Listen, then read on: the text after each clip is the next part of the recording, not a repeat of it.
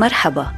أنا غادة الخليل وأدعوكم إلى مرافقتي في التنقل بين الأسطر والحروف في احكي لي. مرحبا. من الأقوال المأثورة الأم هي قلب الحياة الأبيض الذي لا تغير لونه الأيام. لكن كيف يصبح هذا اللون إذا ما واجهه قلب أسود؟ وليس أي قلب. فهل يعقل أن لا يعرف أو يتعرف ابن على أمه ولو باعدتهما السنون والأيام؟ ولو خط الزمن مآثمه على وجه من ربت وكبرت وتحملت فراق فلذة الكبد على أمل اللقاء مجددا لا على أمل أن يتفطر قلب أوقف نبضاته نكران وشحود درهم وعطر لمالك بروز. حملته ارضعته غيرت حفاظاته لاعبته حبوا رعته حتى صار بين الأقران يمشي ويجري. رأته شابا يافعا أمسكته من يده ثم اضحى يبعد يده عن يدها رويدا وصار يحث خطاه نحو الحياة. شاخت وما عادت تجاريه في مشيته. هو الآن يبتعد عنها مترا فامتارا ثم إنه الآن مجرد نقطة في ذلك البعد لا يكاد يرى. بل قد تلاشى. جلست على الرصيف تنتظر العائد من ذلك البعد. إنها تراه قادما إليها. إنه يقترب كأنه هو. بل هو فعلا. عاد وامرأة بجانبه تمسك يده. لقد تزوج. أبشرت العجوز وتهلل وجهها للقائه. تعد الخطوات. تتنسم الهواء الحامل لعطر ابنها. تتفحص كيانه وتنظر للمحيط مفتخرة. وكأن عيونها تقول إنه ابني فلذة كبدي. وصل إليها ابنها تأملها. كانت عجوزا خط الفقر والحرمان أودية بوجهها وتساقطت أسنانها. نظرت إليه مبتسمة تستجدي حنانا ترسل إلى فؤاده سهام الأشواق لعل العائد يتذكر ربما قد يتذكر. نظر إليها بتمعن. ظل وجهه جامدا خال من الإحساس والمشاعر. نبال الأشواق التي أرسلتها إليه أمه وجدت قلبا صلدا مدرعا بمادية حمقاء لم تصبه قط لم يرتد له طرف. هو لا يرى إلا متسولة أمامه تستجديه. هو فقط يريد أن يشهد العالم أنه يتصدق. هو الآن يقوم ببعض حركات لإثارة انتباه الماره كي يقوموا بتصوير المشهد بعيونهم. انظروني إني أتصدق. إن لي قلبا عطوفا. سجلوا هذا دونوه في أدمغتكم. وحبذا لو تكتبوه في الأثير وعلى مسامع الناس كلهم بأني تصدقت وحن قلبي لهذه البائسه البائسة التي تتوسلني. أدخل يده في جيبه أمسك بشيء ما ورماه في يدها المرتعشة نحوه. تفادى حتى اليد التي كانت تسعى للمس يده. خطف يده بنوع من العلو كأنه لا يريد لذاته أن تتدنس بأيد تتسول. كانت الأم المسكينة تريد فقط سلاما. تريد أن تحس مجرى دم ابنها وهو ينبض بصفتها وبوجودها. تريد أن تترجم ذاك الملمس وتحوله كلمة غابت عن مسمعها كلمة تحن إليها. آه لو قال فقط أمي لو تصدق فقط بهذه الكلمة هذا جل ما كانت تنتظر.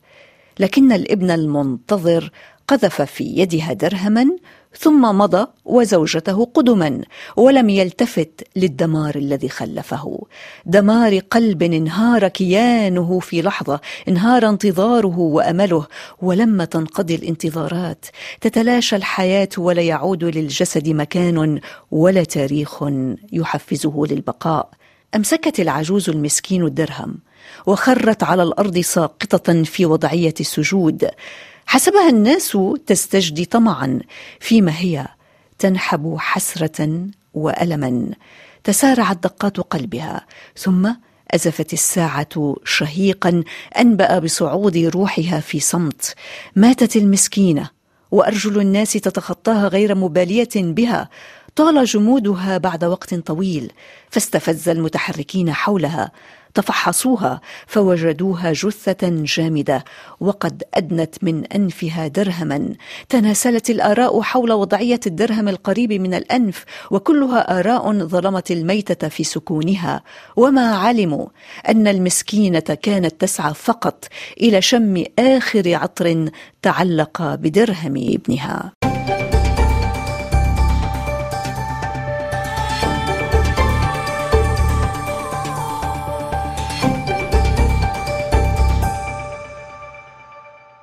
إذا استمعنا إلى قصة درهم وعطر لمالك بروز. التعليق على هذه القصة والحكاية من الأستاذة الكاتبة هديل الحساوي. أهلا وسهلا. تفضلي أستاذة هديل. والله قصة اليوم بصراحة قصة جدا مميزة في طريقة خلينا نقول السرد المفاجئ للأحداث أو تحولها.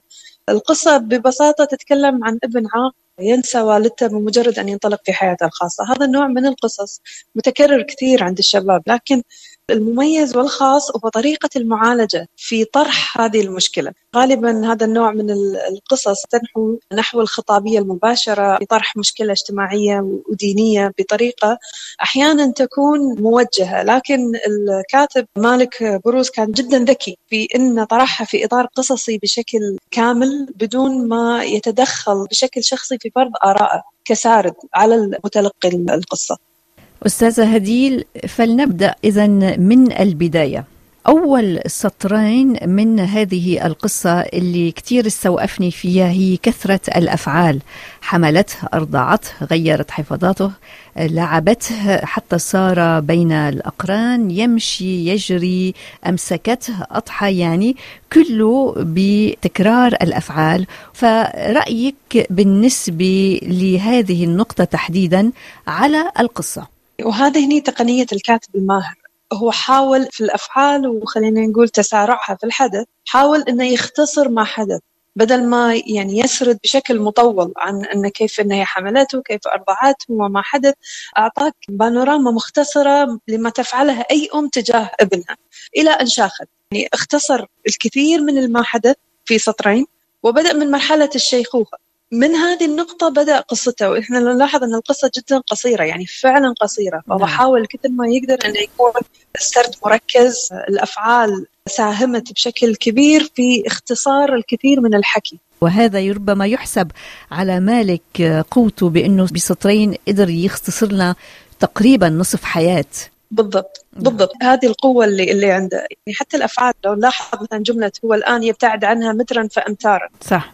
بين بشكل تصويري يعني نحن نحن بتصويري بالضبط. قدرنا نشوف إيه؟ المشهد ونتخيل في مخيلتنا. اذا بالنسبة لك أستاذة هديل بالمقطع الثاني يعني بنصف تقريبا القصة التي استمعنا إليها هل تعتقدين إنه بالفعل كانت فكرة وضوح أن هذا الابن يا ترى لم يعرف أمه بالفعل لشيخوختها لتقدمها بالعمر لغيابه عنا لسنوات أو هو بالمقابل التجاهل من قبله.